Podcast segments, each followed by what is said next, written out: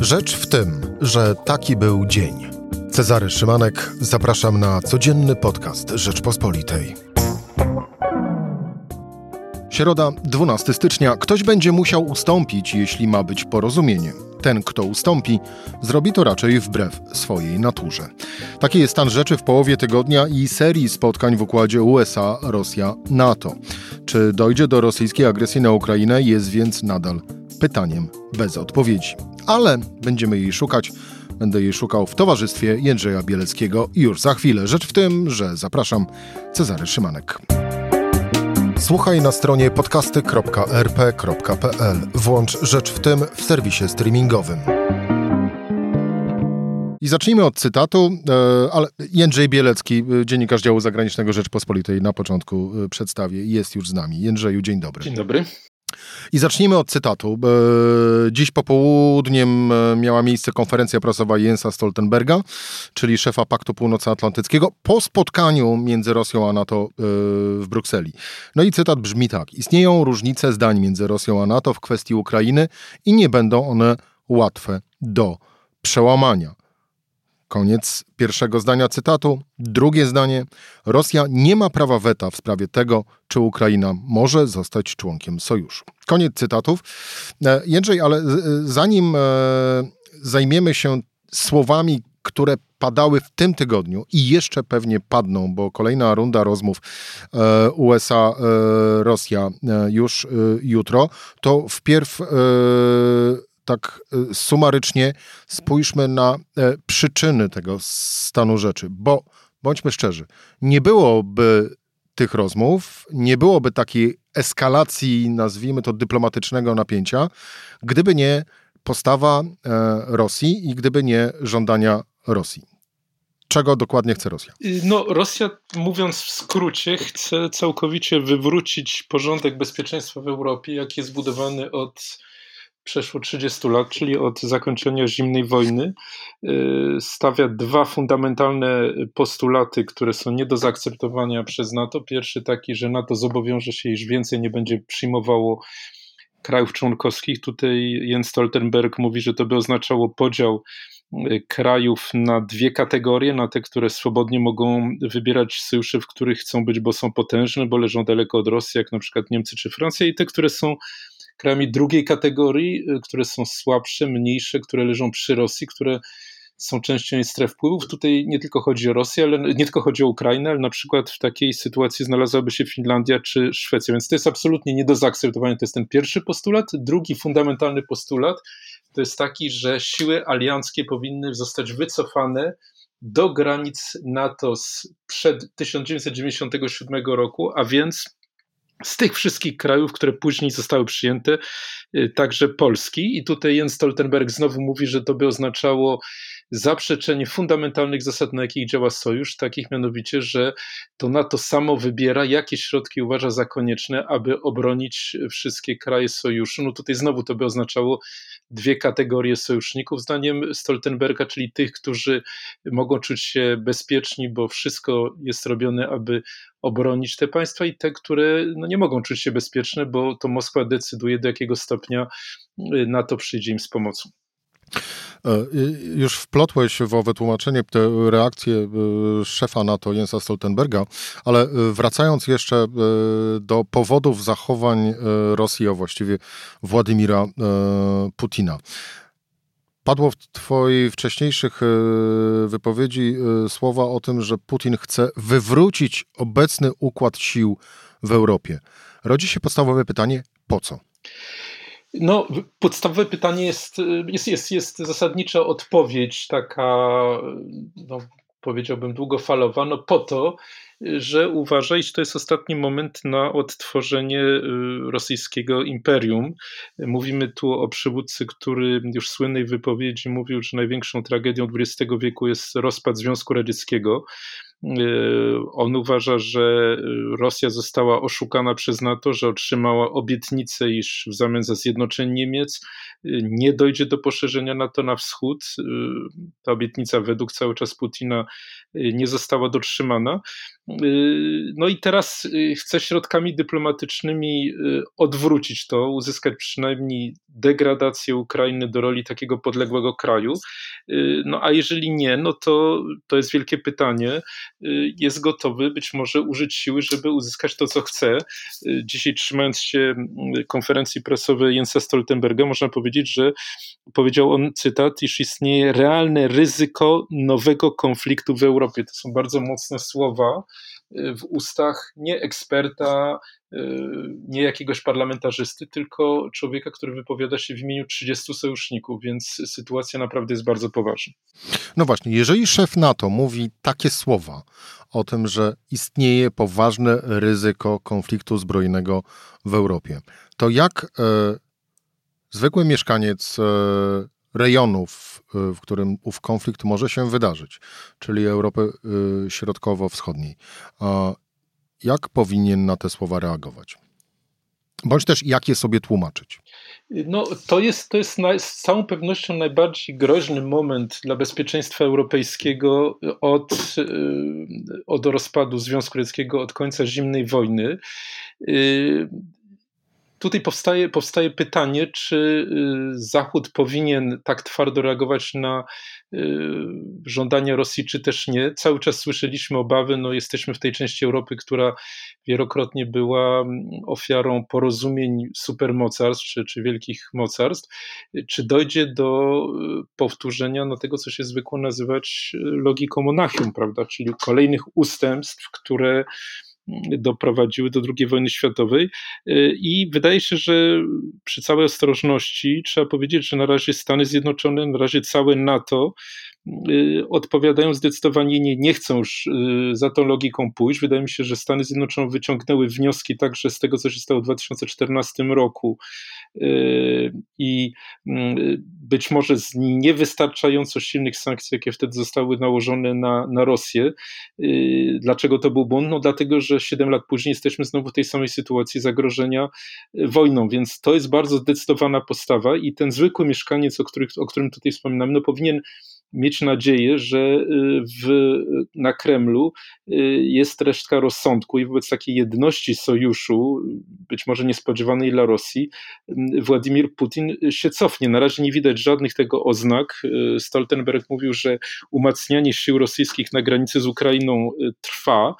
No ale z drugiej strony y, Putin, y, który liczył na podział sojuszu, liczył na to, że Ameryka się cofnie, teraz musi wkalkulować to znacznie większe ryzyko. No i zobaczymy, jak będzie działo. Tutaj y, w NATO oczekiwania były bardzo skromne dzisiaj rano, mianowicie takie, że do porozumienia żadnego nie dojdzie, do postępu negocjacji nie dojdzie, natomiast przynajmniej liczono na to, że Rosjanie zgodzą się na kontynuowanie rozmów wokół znacznie węższej agendy, agendy obejmującej y, ograniczenie samych ćwiczeń wojskowych, y, agendy dotyczącej ograniczenia rozmieszczania rakiet. Y, I Stoltenberg przedstawił taką propozycję Rosjanom. To jest taka cała agenda rozpisana na wiele tygodni dalszych e, kontaktów, e, ona nie została przyjęta przez Rosję, chociaż też nie została odrzucona. E, przewodniczący rosyjskiej delegacji powiedział, że Moskwa musi się w tej sprawie nad, nad tym zastanowić i że przyjdzie z odpowiedzią. No to będzie ten sygnał, do jakiego stopnia Putin pogodzi się z tym, że jest nowa sytuacja, że musi odstąpić od, od wojny, a do jakiego stopnia uzna, że wykorzysta ten, ten, tą, tą, tą porażkę negocjacji, jaką widzimy dzisiaj, jako pretekst, żeby ruszyć z wojną. Więc dla takiej osoby, która żyje no, na Ukrainie, prawda, no to te, te, te nadchodzące tygodnie będą decydujące. Jeżeli Rosjanie wrócą do stołu negocjacji wokół, tak jak mówię, znacznie węższej agendy i pogodzą się, że z tym, że, że te dwa podstawowe postulaty y, zostały odrzucone, no to będzie sygnał że, że, że, że, że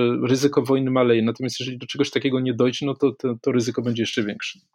No właśnie, bo tak naprawdę chyba bardziej prawdopodobne na chwilę obecną, biorąc pod uwagę wszystkie słowa, które padają, aczkolwiek te słowa to jest też część częściowych e, negocjacji, e, część po, tej gry pomiędzy jedną i drugą stroną, szczególnie jeżeli posłuchamy słów strony rosyjskiej. Ale tak czy inaczej, można zakładać, że jednak prawdopodobieństwo tego, iż Władimir Putin w odpowiedzi na ową e, jedność sojuszu, o której wspominałeś, i w odpowiedzi na odrzucenie e, z miejsca e, obydwu żądań Moskwy, może na granicę z Ukrainą wysłać kolejne 100 tysięcy żołnierzy. I wtedy co?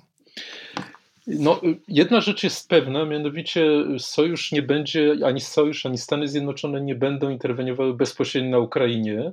Y, I y, w związku z tym, przynajmniej w tej pierwszej fazie, y, wojna będzie wygrana przez Rosję. Oczywiście nie wiemy, jaka to jest skala wojny. To może być ograniczone bardzo uderzenie na przykład w cyberprzestrzeni albo stosunkowo niewielkie powiększenie okupowanych przez Rosjan terytorium w Donbasie. Y, to może też być, to już jest poważniejsza sprawa, próba budowania na południu Ukrainy połączenia lądowego między Rosją a Krymem, zajęcie Mariupola, zajęcie terenów wokół Morza Azowskiego.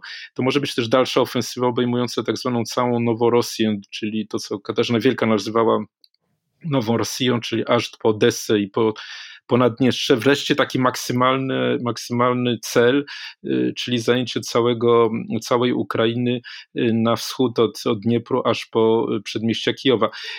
Ale nawet gdyby ta, ta, ta taka operacja no, ta, ta, taka operacja zostanie wygrana przez Rosję ze względu na różnice w potencjale sił, ale pytanie powstaje y, oczywiście, co dalej? Tutaj, tutaj Putin nie może nie pamiętać o doświadczeniach na przykład Związku Radzieckiego w Afganistanie czy Stanów Zjednoczonych w Iraku.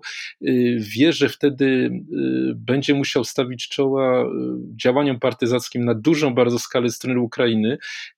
Społeczeństwo ukraińskie jest do tego przygotowane psychologicznie i, i wojskowo. Stany Zjednoczone z góry powiedziały, że będą dostarczały, tak jak to robiły na przykład w Afganistanie, broń do prowadzenia takich działań, w tym Stingery, czyli pociski bardzo skuteczne y, przeciwko, przy, takie podręczne czy, czy, czy ruchome y, pociski przeciwko siłom lotniczym. Y, no i Stany Zjednoczone, to też jest zupełna nowość, przedstawiły bardzo szczegółowo zakres sankcji, które będą wprowadzane, sankcji znowu bezprecedensowych, oznaczających odcięcie od źródeł finansowania międzynarodowego głównych tym razem już przedsiębiorstw y, rosyjskich, y, oznaczające wstrzymanie dostaw technologii y, amerykańskich o kluczowym znaczeniu dla Rosji. Tutaj przypominam, jakie było konsekwencje takiego działania wobec chińskiego Huawei'a, który w przeciągu kilku miesięcy w ogóle wypadł z gry na rynku telefonów komórkowych, przynajmniej wśród tych największych producentów, kiedy zostało odcięte od oprogramowania amerykańskiego. Krótko mówiąc, to są, to są słowa pochodzące z Departamentu Stanów Zjednoczonych, y, Rosja byłaby wówczas sprowadzona do kraju, y, takiego, do takiego kraju pariasa, do którego dzisiaj zalicza się Koreę Północną, y, Kubę czy, czy na przykład Iran. No i pytanie dla, dla prezydenta Putina, on musi w te kalkulacje sobie to, to włączyć, czy wówczas nie będzie zagrożony jego własny reżim, autorytarny reżim, czy Rosjanie wobec tak katastrofalnego załamania poziomu życia po prostu się nie zbuntują. Tutaj mamy dane Centrum Lewady, który twierdzi, że tylko jedna trzecia Rosjan, Rosjan jest gotowych poświęcić swoje warunki życia, jakość życia dla budowy, jak to ujęto, y, Rosji, której się boi cały świat, Rosji imperialnej. Rosja, której, której boi się cały świat, Rosja imperialna, to jest e, marzenie tylko Putina, czy, czy to jest marzenie też jednak części Rosjan? No z całą pewnością e, znacznie bardziej niż samego Putina, no bo oprócz krótkiego e, okresu raz za czasów Kierańskiego przed rewolucją październikową, a potem mniej więcej dekady za czasów Jelcyna, Rosja nigdy nie była demokracją, a ten okres też, te dwa okresy kojarzą się z wielką destabilizacją rozgrabianiem własności przez oligarchów, y, więc y, z pewnością to nie jest tak, że ta retoryka nie trafia do, do Rosjan. Y, no ale z drugiej strony widzimy też, że kiedy załamał się poziom życia w Rosji po ostatnim kryzysie finansowym mniej więcej 10 lat temu, Putin musiał sięgnąć do bardzo stanowczych metod siłowych wobec opozycji, ostatnio na przykład wobec memoriału, bo ten jego układ, który do tej pory obowiązywał, że oferuje po tej okresie niestabilności za czasów Jelcyna pewną, y, pewien dobrobyt, pewną przewidywalność w zamian za odebranie wolności y, politycznych y, Rosjanom. Ten układ upadł, no i teraz jest tylko taka brutalna siła Putin się na to zdecydował, no bo widzi, że, że inaczej Rosjanie nie będą akceptowali no, niewoli bez, bez poprawy poziomu życia. No i teraz pytanie, do jakiego stopnia może on zaostrzać ten reżim, kiedy dojdzie już naprawdę do, do pewnej katastrofy. On oczywiście, to trzeba przyznać od razu, że on się przygotował na taki scenariusz. Rosja ma ponad 600 miliardów dolarów rezerw finansowych, negocjuje już na przykład z Chinami przystąpienie do alternatywnego systemu transakcji finansowych do, do zachodniego, do amerykańskiego SWIFTA.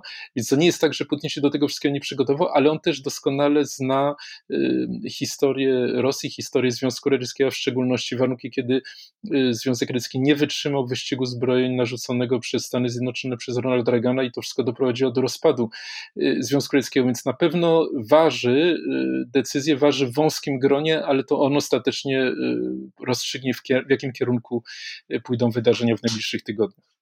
Jutro, czyli w czwartek, kolejna runda rozmów, tym razem e, powtórka z Genewy, czyli e, Rosja-USA, ale raczej y, chyba nie ma co oczekiwać nieoczekiwanego po tych rozmowach.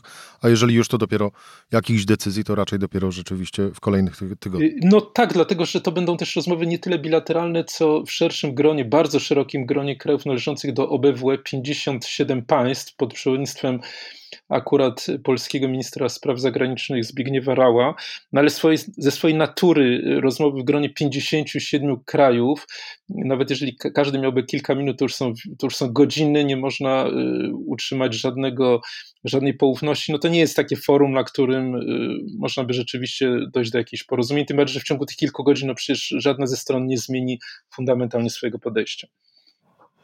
Jędrzej Bielecki, dział zagraniczny Rzeczpospolitej. Jędrzej, dziękuję Ci bardzo za rozmowę. Dziękuję najmocniej. To była rzecz w tym e, w środę. Cezary Szymanek, do usłyszenia jutro o tej samej porze.